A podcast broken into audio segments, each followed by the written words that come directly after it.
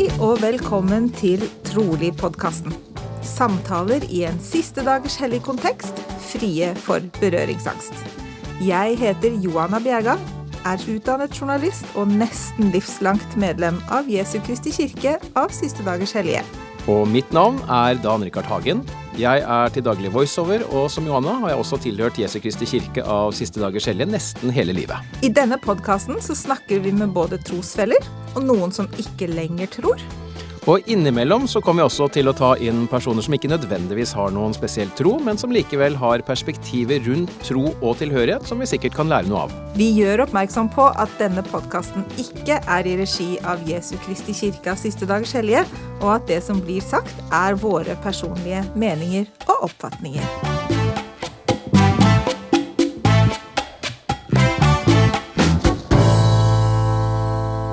Gratulerer med dagen til Lilly. Åssen er det å ha en 14-åring i hus? Igjen, får jeg vel kanskje si. Igjen, ja. Jeg har jo prøvd det før, da. Eh, det er den Hva blir det? Én, to, tre Det er den fjerde rekken da som eh, fyller 14.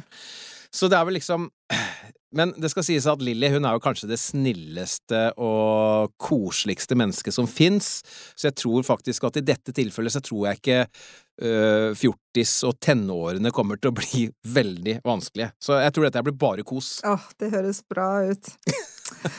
oh, nå er vi nettopp ferdig med opptak med, med Kia, og den episoden gledet jeg meg ekstra mye til.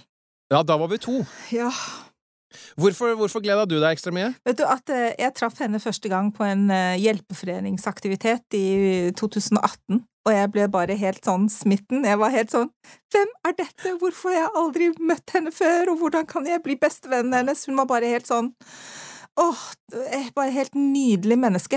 Mm.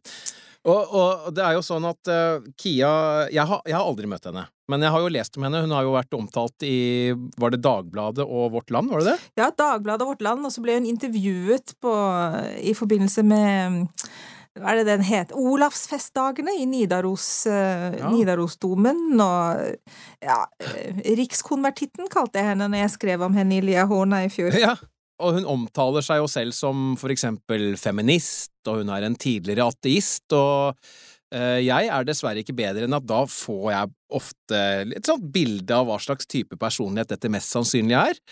Og så begynte vi å snakke med henne, og så bare raste hele den eh, oppfatningen, eller den forhåndsoppfatningen jeg hadde, og jeg satt tilbake med en Å, for et spennende og ydmykt og godt menneske. Ja, hun er bare helt, uh, helt fantastisk. Uh, og hun var faktisk en av de aller første jeg spurte om å være gjest i podkasten, og når hun sa ja, så tenkte jeg ok, her har vi noe å bygge videre på. Så egentlig så kan vi takke henne for at dette prosjektet ble noe skikkelig av. Ja.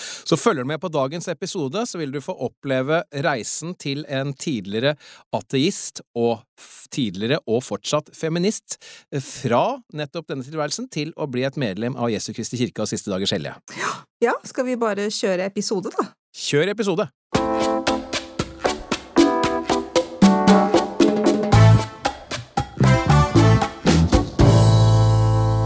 Velkommen til Trolig-podkasten, Kia. Takk, takk. Takk for at du sa ja til å være med. Jo, bare hyggelig. Takk for um, spørsmålet. Jeg syns det var eh, stas å bli spurt. Aldri vært med på podkast før, så det vil jeg gjerne prøve. Det er en ting vi lurer litt på. Hvor sitter du hen akkurat nå? Jeg sitter i studio på, til Radio Kongsvinger, som var så greie ja. å låne meg studioet sitt. Så det er takknemlig for at de gadd, for jeg eh, jobber jo ikke her. Jeg gjorde det for uh, sånn ca. 15 år siden. Og så bare spurte jeg kan jeg få låne studio. Så sa de ja og var snille sånn. Så fikk jeg faktisk en liten ekstrajobb også, fordi jeg leste inn en liten reklamesnutt som, uh, som belønning, da. Og den likte de så godt, ja. så jeg skal lese inn flere. Så da får jeg, får en, en gang radio, alltid radio, vet du, Kia. Det er ja. bare sånn det funker, det. Ja, kommer aldri helt unna. Litt misunnelig nå. Ja, men uh, kanskje din dag kommer, Johanna. ja, jeg hiver meg på podkast i stedet, da, ikke sant? så da styrer jeg det sjøl. Ja, det er egentlig mye morsommere òg, da.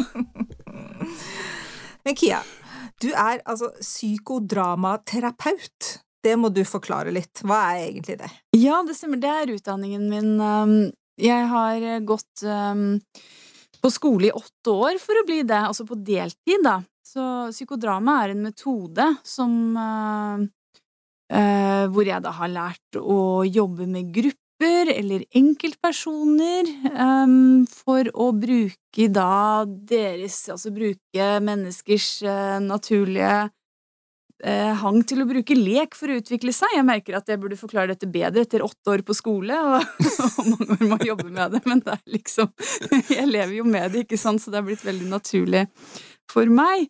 Uh, metoden går ut på å bruke teaterteknikker og bruke lek og vår iboende lekenhet og spontanitet til å utforske eh, livene våre, da. Altså, det er sånn jeg bruker det. Man kan jo bruke det på mange vis. Noen jobber i organisasjoner og næringsliv og sånn, men jeg har ofte kurs og grupper da, med folk som eh, vil eh, oppdage eh, seg selv på en ny måte, eller har temaer eller utfordringer som de vil eh, jobbe med på en ny måte. Så det er en veldig fin måte å utvikle seg på, rett og slett. Man kaller det ofte selvutvikling.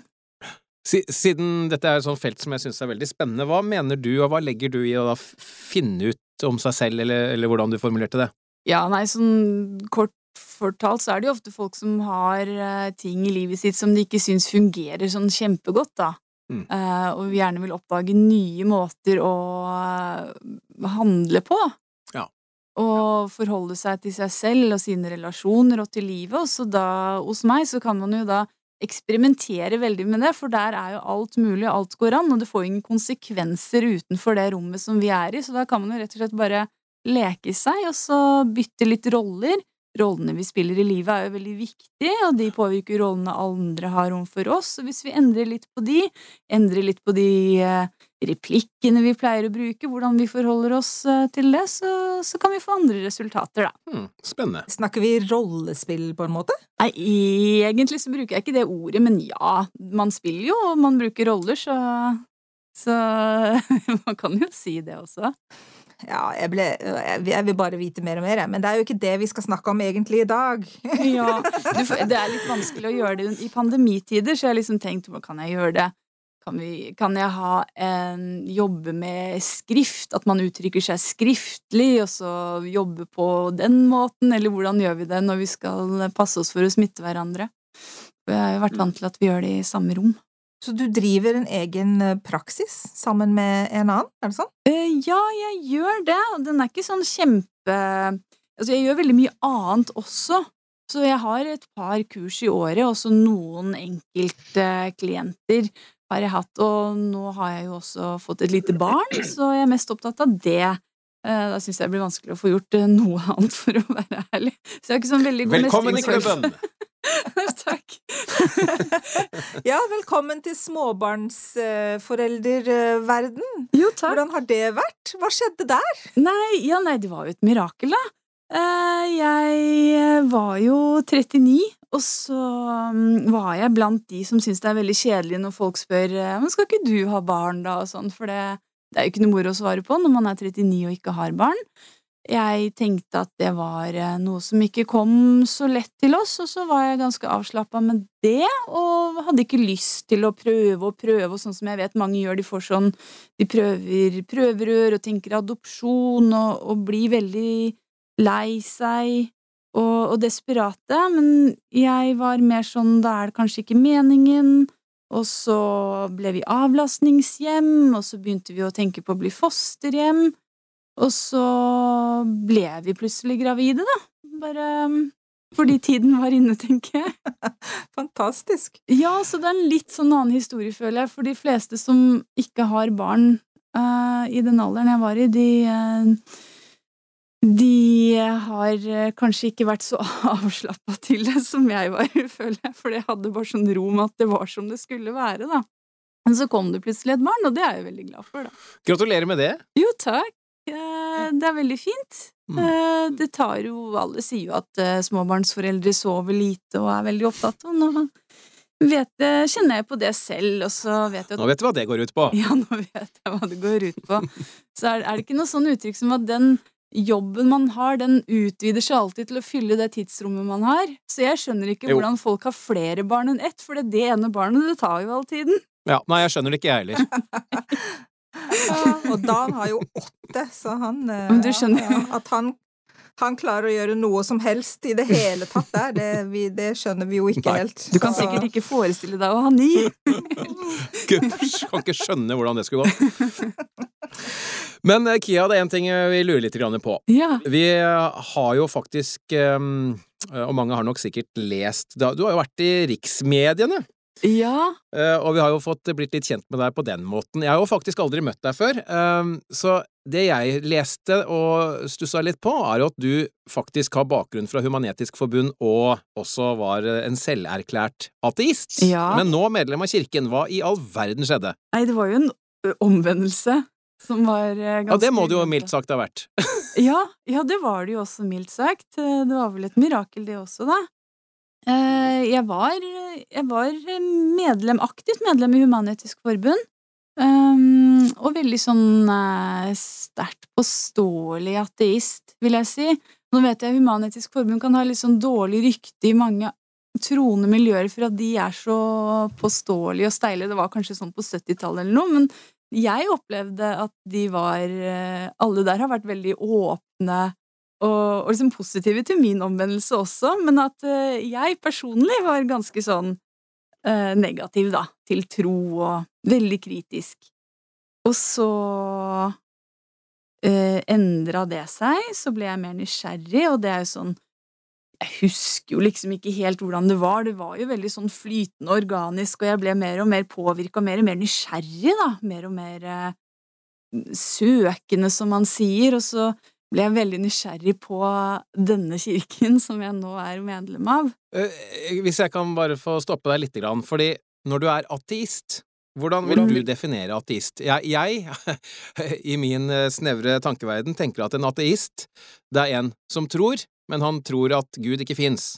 Mens andre vil si at nei, det handler ikke om tro i det hele tatt, det handler om å bare forholde seg til ja, det man kan se og det man kan vite. Hvordan, hvordan, hvordan vil du definere deg selv som ateist?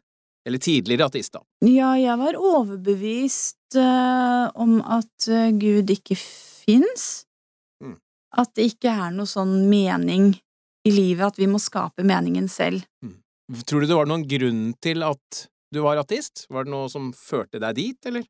Ja, jeg, er ikke helt sikker, men det var vel eh, alt jeg hadde sett og opplevd av religion, var Jeg hadde hatt, eh, fått et negativt inntrykk da, fra barndommen, fra jeg gikk på katolsk skole og fra Ja, man ser jo religiøse mennesker gjøre mye rart. Ja.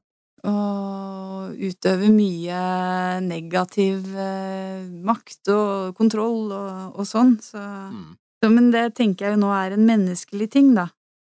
At det Mm. skjer i alle miljøer. Det er noe som vi mennesker sliter med. Som vi må jobbe med.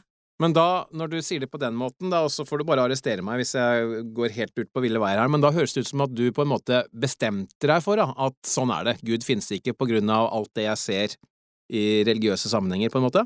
Ja, jeg tror jeg bestemte meg på sånn øh, ganske tidlig tidspunkt at det fins ikke, og jeg ser ikke noe bevis for det, og det er ikke noen grunn til å tro når man ikke har noe bevis for noen ting. Men var det, noe, var det noe som opptok deg? Eller var det bare sånn at du bare skjøv det til side, vil, og bare lar det være, liksom, og bare forholde meg til at jeg tror ikke det på Nei, det opptok meg. Jeg var liksom aktivt ikke-troende, da. Ja, ja, ikke sant? Ja. Så jeg var opptatt av det. Jeg leste at, eh, at det var faktisk du som fikk mannen din med i Human-Etisk Forbund, fordi, eh, fordi du ville gifte deg humanistisk, er det sånn? Ja, det stemmer det. Og da, da er det billigere, eller noe sånt, hvis man er, eh, hvis man er medlem.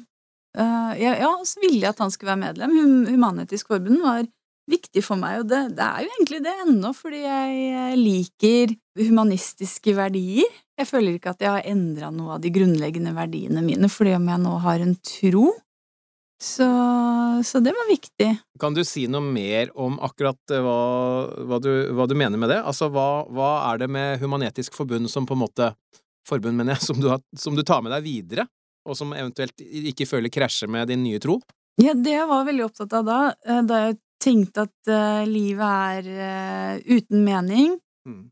og når vi dør, så er det slutt, så var det at det er veldig viktig at vi gjør verden til et bedre sted å være når vi er i den. Og det mener jeg fremdeles er noe av det viktigste. Ja, og det eh, Jeg må, jeg må innrømme at um, mens jeg studerte, så hadde jeg en liten deltidsjobb på eh, Konserthuset.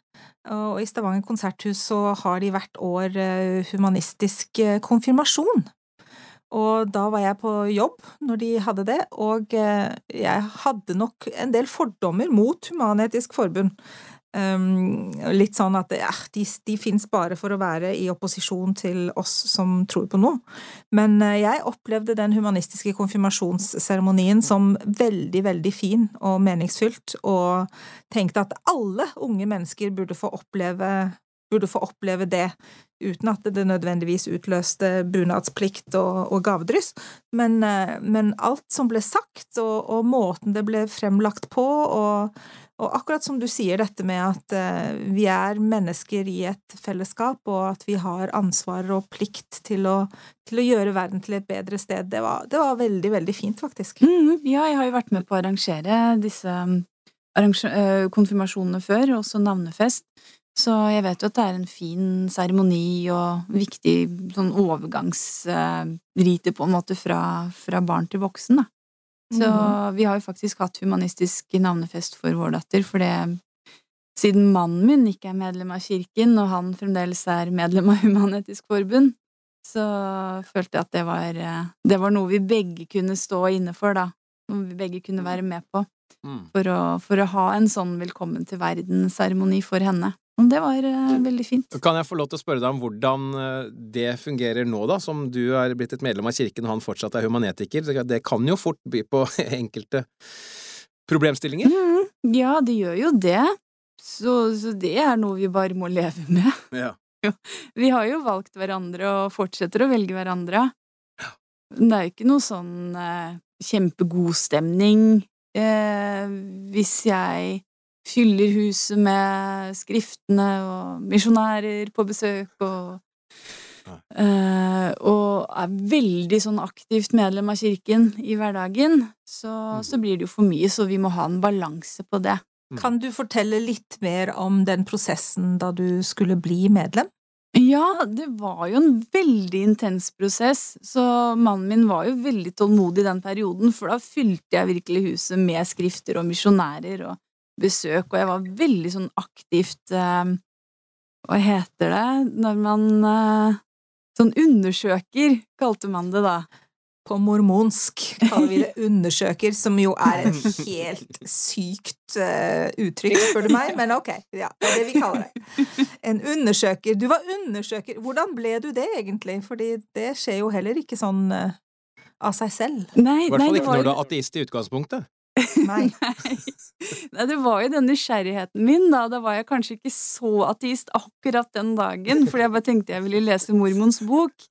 Og det, var en dag jeg våknet og oppdaga at hei, jeg er jo ikke ateist, jo. Nei, jeg vet ikke om jeg Da kan jeg like gjerne lese denne boken. ja. Uh, nei, akkurat hva jeg sa til meg selv i hodet mitt da, det husker jeg ikke, men, uh, men det var liksom bare en prosess jeg fulgte.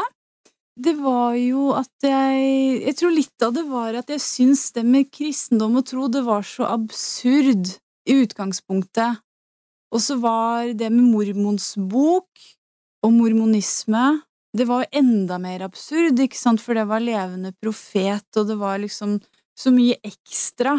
Eh, men jeg kjente litt til det, ikke bare av musicalen, mm. fordi jeg, jeg, visste nok om det til å vite at den ikke var liksom virkeligheten, fordi jeg kjente noen som var medlem i kirken, og da hadde det vært en sånn diskusjon rundt det, uh, rundt en andakt på Hva heter den? Morgenandakten? Mm. På NRK. Ja. Og hvor Uh, en fra vår kirke hadde fått kritikk fordi han hadde morgenandakten en uke, og så var det ja, men dette er jo bare tull, det han tror på. Så tenkte jeg at men det, det er jo like rart alt sammen. så da kan jeg jo Jeg vet ikke, det var noe med det som gjorde at jeg trakk mot å lese Mormons bok. Jeg kan ikke forklare det helt sånn um, eh, logisk, men det var liksom Det var dit det trakk, da. Jeg tenker at det, det, var en mening med det, at det var dit det trakk. Så jeg ville lese mormons bok, og så googla jeg det, og så eh, fikk jeg opp en sånn Ja, vi sender deg den gratis. Man fyller ut et skjema, og så la jeg en adresse og telefonnummer og tenkte at ja, blir sikkert noen som tar kontakt, da. Og så gjorde de det, og så mm. Uh, ja, lang historie kort, så fikk jeg misjonærer på besøk med boka. Mm. Tok det lang tid? Altså For noen så er det sånn liksom tre uker og done deal, liksom, og andre så bruker de gjerne et år eller to. Sånn, hvordan var det for deg? Jeg tror det tok to måneder, jeg. Det vil jeg si er ganske kjapt. Ja, det er ganske kjapt. Ja, det, jeg ble ganske fort sånn Jeg ble ganske fort frelst, da. Sånn både i direkte og overført betydning. Mm. Eh, det ga meg en god følelse å lese mormors bok. Det liksom å sitte ned og ta seg tid til å lese, det ga meg en sånn god fred. Og, og misjonærene var jo veldig flinke og eh, ivrige med å hjelpe meg å forstå. Og, og de var jo unge gutter, ikke sant, så jeg tenkte jo i utgangspunktet at de her har ikke noe særlig å lære meg. Men eh, det viste seg at de hadde det, at de De formidla på en måte noe jeg trengte å høre, da. Um, eller oppleve, eller jeg vet ikke hva jeg skal Jeg husker liksom ikke helt sånn no, Det var ikke det at noen sa noe, det var ikke en sånn læresituasjon som på skole. Men, uh, men jeg fikk en velsignelse, og det var jo viktig, da. Det var egentlig det viktigste. At jeg, jeg kjente i en velsignelse at her er det noe mer. Jeg fikk en kontakt med noe guddommelig. Mm. Uh, og det, det var et sånn vendepunkt, da. Hva syns mannen din om det da? Nei, han tenkte jo at jeg blir hjernevaska, da. Og, og nå ler han litt av det, og han tar det jo ikke så alvorlig lenger, men da ble, han ble jo litt sånn redd. Men han ville jo støtte meg også, så han er jo en veldig fin fyr. Ja. Og så likte jeg veldig godt det du sa i stad, eh, når vi snakket om eh, hvilke utfordringer det kan gi, så sa at vi velger hverandre fortsatt, eller noe i den retningen, sa du. Ja, ja, vi gjør det. Og det, det syns jeg var veldig godt sagt, for det, det gjelder jo oss alle sammen, egentlig, uansett. Men at man kan fortsette å velge hverandre på tross av kanskje litt andre typer utfordringer da, enn det man hadde sett for seg. Ja. ja, i den tiden så var det veldig på tross av eh, at han valgte meg, fordi han eh, Det skjønner jeg. Ja. Syntes det her var eh, rart og skummelt og sikkert litt flaut og Ja. Det var ikke noen positiv opplevelse for han, da. Og jeg ble jo veldig sånn Jeg var jo veldig sånn nyfrelst og veldig i det, og jeg var jo sikkert sånn hjernevaska også, men ikke på den negative måten som folk Ja. tenker på, da. Men jeg var jo helt eh, superbegeistra over det jeg hadde oppdaga. Hvordan forandret det deg? Altså, følte du at det forandret deg som menneske, eller føler du bare at det ble en sånn tilleggsting til det du allerede var? Men sånn jeg tenker på det, så syns jeg at jeg ble mer meg selv, da. Men ja, jeg ble jo forandra. Og så i, i den perioden hvor jeg hadde veldig den gnisten, veldig den 'nå har jeg funnet noe nytt', jeg var liksom nyforelska, og sånn når jeg levde med at livet tar slutt når det tar slutt, og så er det mørkt, og så oppdaga jeg at det er håp for noe mer, og det er jo en, det er jo en veldig stor oppdagelse. Det er jo ikke rart at man blir veldig høy på livet og, og veldig opptatt av kjærligheten og livet og menneskene og sånn som jeg men jeg ble også ble veldig sånn glad i menigheten min, da. Så superglad i de menneskene at jeg ville bruke masse tid med dem. Eh, så jeg forandra jo veldig livsstil på den måten at jeg brukte veldig mye tid i kirken. Jeg syns at jeg ble mer meg selv òg, da, for det var jo de verdiene jeg hadde fra før om at vi, vi vil være her for hverandre, eller vi bør være her for hverandre, og vi bør gjøre verden bedre, og menneskene må liksom Vi må gjøre så godt vi kan. Og jeg bare syns at kirken var et så godt sted da, for å, for å øh, få det ut i handling. Mm. Du sier at du trodde jo naturligvis tidligere ikke på noe liv etter døden. Nei. Eh, jeg holdt på å si, når det da plutselig gikk opp for deg, da, for å bruke det uttrykket, at eh, det er noe mer, var det kunne det på noen som helst måte være skremmende da, eller var det bare fint? Oi, nei, det var en, det var en lettelse, fordi jeg syns ikke døden var noe god å forholde seg til. Og jeg syns egentlig at det kunne være litt sånn handlingslammende. Mange ateister sier jo at det inspirerer meg til å nyte livet til fulle hver dag, men jeg ble litt mer sånn skrekkslagen av det, og litt sånn oi, ja, gjør jeg virkelig det aller meste ut av denne dagen som er den siste? Så jeg liker jo bedre å tenke på at det er en evighet, at det er mange, mange, mange sjanser til utvikling og forbedring og til å bli stadig bedre, da, enn at vi får det en sånn kort tidsperiode. For noen er den jo veldig kort. Ja. Um, så det var, det var, en stor lettelse. Og det kan sikkert være en skremmende tanke, men eh, dit har jeg ikke kommet ennå.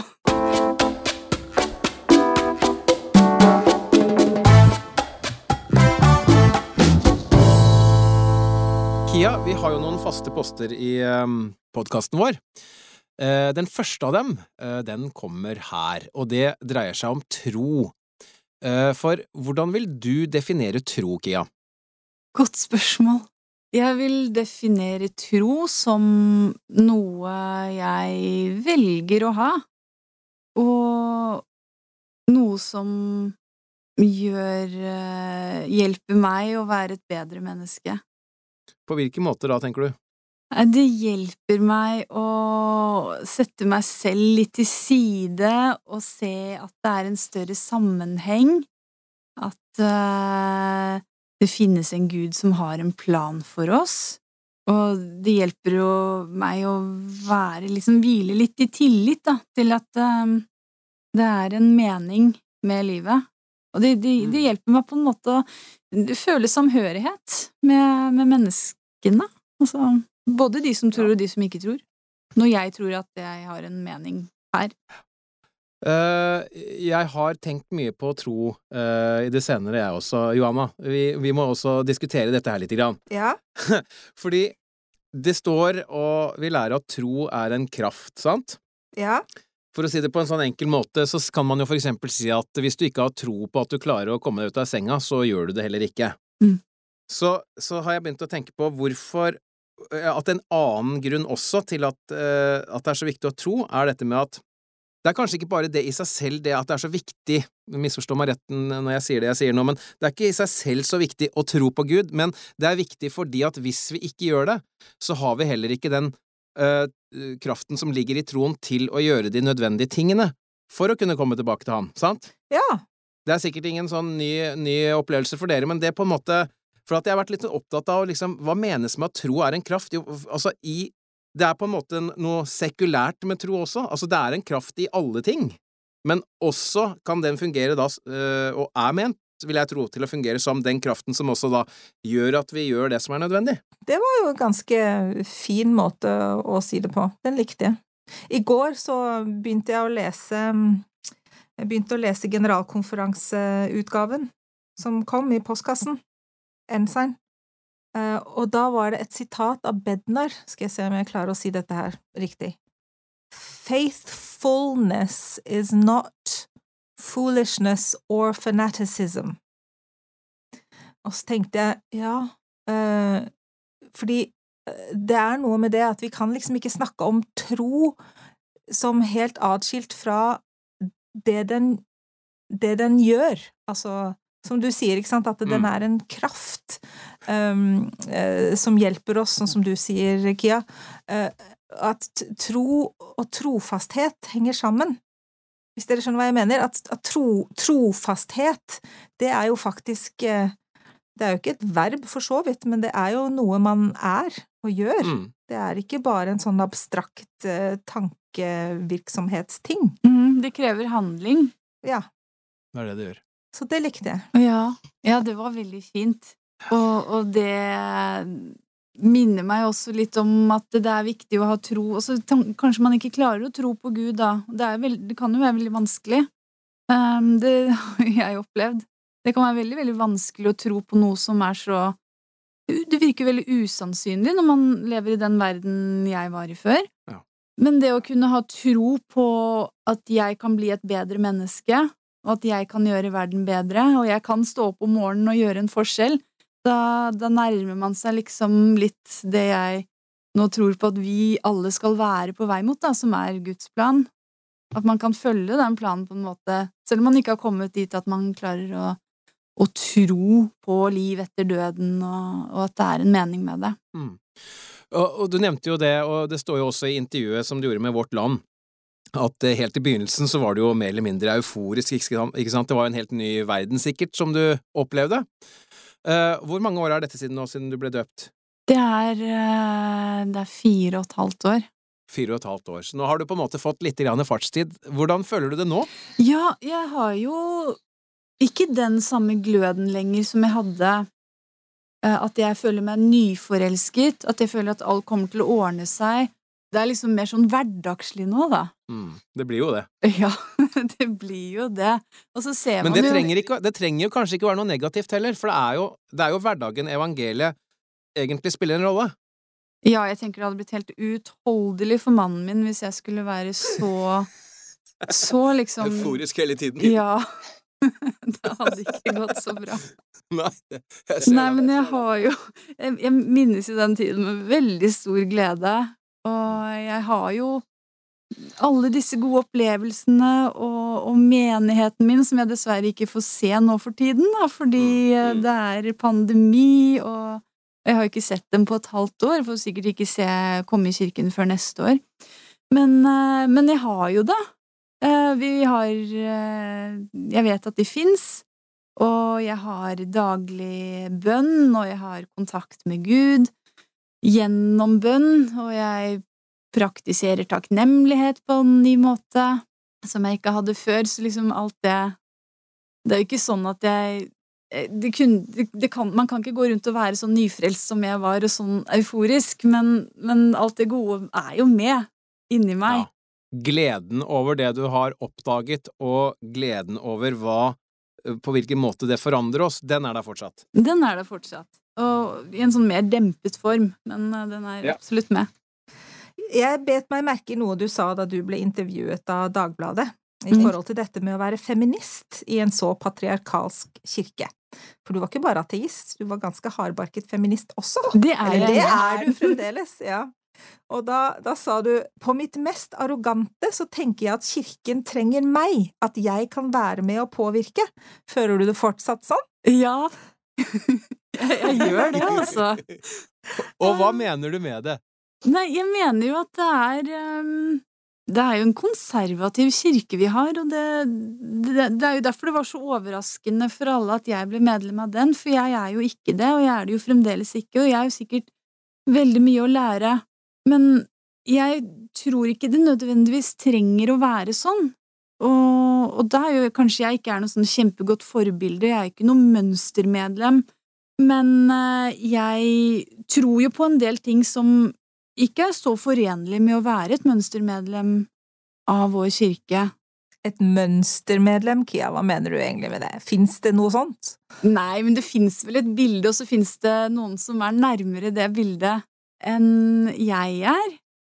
Ehm, så, så det er jo noen av meningene mine som jeg ikke klarer, eller ærlig talt ikke vil gi slipp på, da. Som, eh, som er grenser til det uærbødige, som grenser til å ikke ha fullstendig tro på profeten. Som når jeg tror at uh, kvinner eh, kan uh, forrette nattverden, og at vi kan ha de samme rollene. Det er noe jeg tror.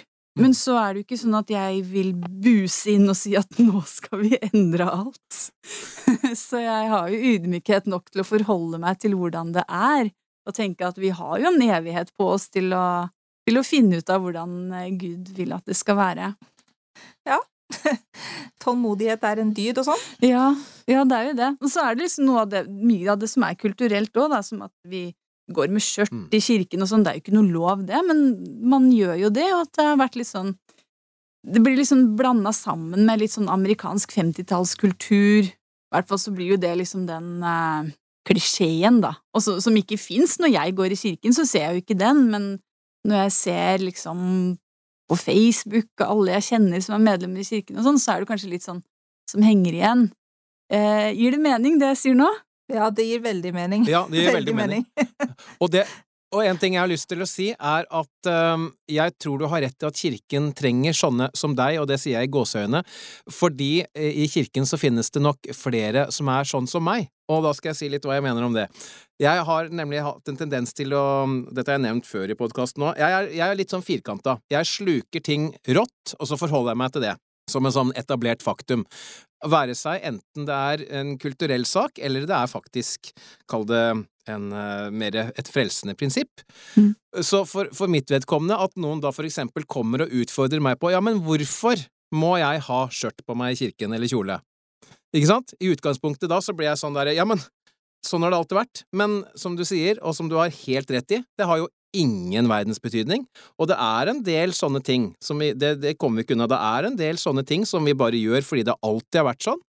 Og hvorfor ikke utfordre det lite grann? Kanskje det faktisk gjør noe positivt? Ja, helt enig. Når det gjelder det med skjørt og kjole i kirken, så liker jeg å pynte meg på søndagene, så jeg kommer ikke til å utfordre akkurat det personlig, men jeg liker når andre Nei. gjør det.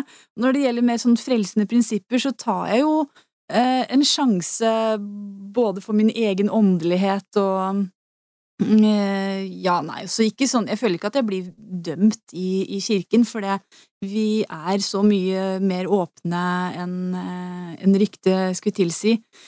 Eh, om jeg avviker på, på enkelte sentrale ting, men det er jo noen ting jeg tenker at jeg tar en sjanse på eh, overfor eh, mitt forhold til Gud, da, hvis det er sånn at det virkelig er, er eh, synd at eh, to av samme kjønn skal gifte seg, sånn som, sånn som jeg bør tro, så tar jeg en sjanse når jeg sier at jeg er ikke enig, jeg tror ikke på det, jeg tror at det går an. Mm. Um, og det må jeg stå for selv, og jeg kan jo ikke holde en tale og si det. Kan du ikke? Nei, nei, kanskje jeg kan det. Jeg har jo valgt å være Vi kommer helt sikkert til å ha minst én eller to eller fem episoder om akkurat det der med, med homofili og likekjønnet eh, ekteskap og sånn, tenker jeg, framover. Fordi Mm. der tror jeg at, eh, at, at det er ganske mange medlemmer av kirken som etter hvert har fått et litt mer nyansert syn på hva, hva det betyr, og, og, og hvor viktig det er eller ikke.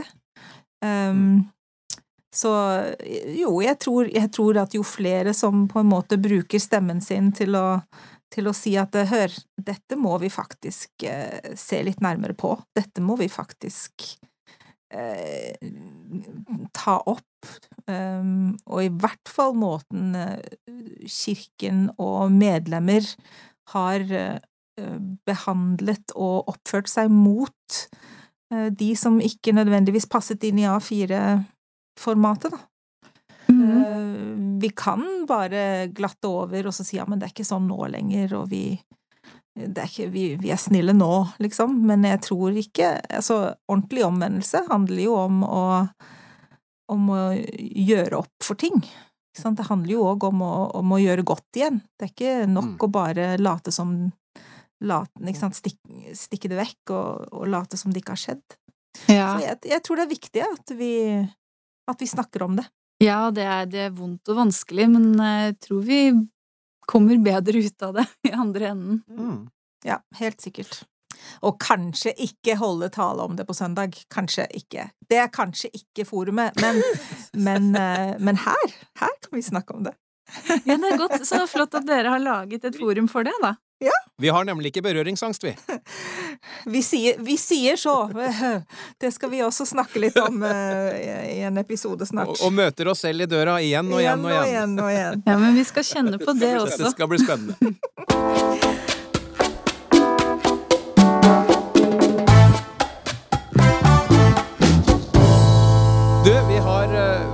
Hatt en absolutt veldig uh, spennende snakk med deg, Kia, og jeg, jeg, jeg merker jo det at her kunne vi sitte lenge, Ja. men uh, vi må respektere lytternes tid også, så vi får sakte, men sikkert begynne å pense oss inn mot en naboen har begynt å, å banke i garasjeveggen her rett ut forbi, så Ja, jeg la merke Mm. til det.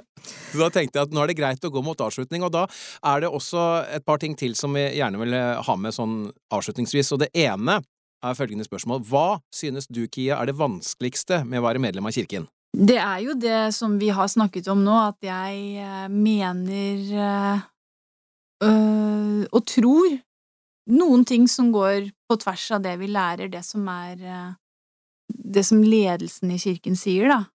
Og så være Også den derre For det jeg elsker med denne kirken, og derfor jeg tror den er for meg, og, og for oss alle, det er jo det med personlig åpenbaring, og at vi lager kirken sammen selv.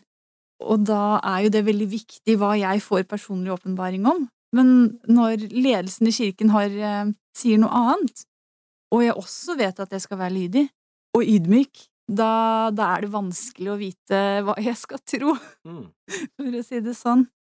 Men jeg tenker det er litt av prosessen også, da. Så hvis du kunne forandret én ting, hva ville det vært? Da ville jeg gjort kirken virkelig mer allsidig. Altså at i ledelsen satte kvinner og menn og av alle folkeslag og ulike aldre. Og helt, helt til slutt, hva er det aller fineste med å tilhøre kirken? Mm, Det er eh, det vidunderlige med å komme sammen i tro og, og sammen prøve å gjøre verden bedre og gjøre det riktige og finne ut av hva det riktige er. Tusen takk, ja. Det var helt perfekt. Tusen takk for, eh, for praten. Jeg kunne, jeg kunne fortsatt lenge. Ja. Ja, Og det er så godt. Og nå har jeg jo ikke vært i kirken på så lenge, da. Så det er liksom Jeg har jo ikke disse mulighetene så veldig ofte. Får ikke besøk, og kan ikke besøke andre og sånn, så det, det var godt. Mm, det er det. Det. Det kjenner Dan og jeg på. Vi snakket før vi begynte opptak i dag at vi skulle ønske vi ikke hadde full jobb ved siden av og bare kunne holdt på med dette hele tiden. Tenk om det kunne bli jobben deres! Who knows? En dag. Da sier vi tusen takk til Kia, som var med igjen. Jeg må se en veldig spennende episode, Johanna. Ja, det der var ikke verst. Fornøyd med den. Ja, ikke sant? Og da er det jo slik at vi tar oss eh, ikke to ukers pause, men det er to uker til vi er tilbake med en ny episode. Men vi har jo nyhetsbrev og litt andre ting som skjer, som du kan fortelle litt om. Det har vi, vet du. Vi har eh, Facebook-siden vår, og der kan du eh, abonnere på nyhetsbrevet vårt som heter Mer enn trolig. See what I did there? Ikke dum, den. Nei, og så kan man følge oss på Instagram. Og ja, ja, vi vil jo gjerne ha flere forslag til emner om hva vi skal snakke om, og også forslag til gjester vi kan ha med i podkasten. Og da kan man sende det på mail til troligpodkast at gmail.com. Troligpodkast at gmail.com. Mm. Og podkast med K. Tusen takk for at du var med på dagens episode. Ha noen riktig gode uker, så høres vi igjen om to uker.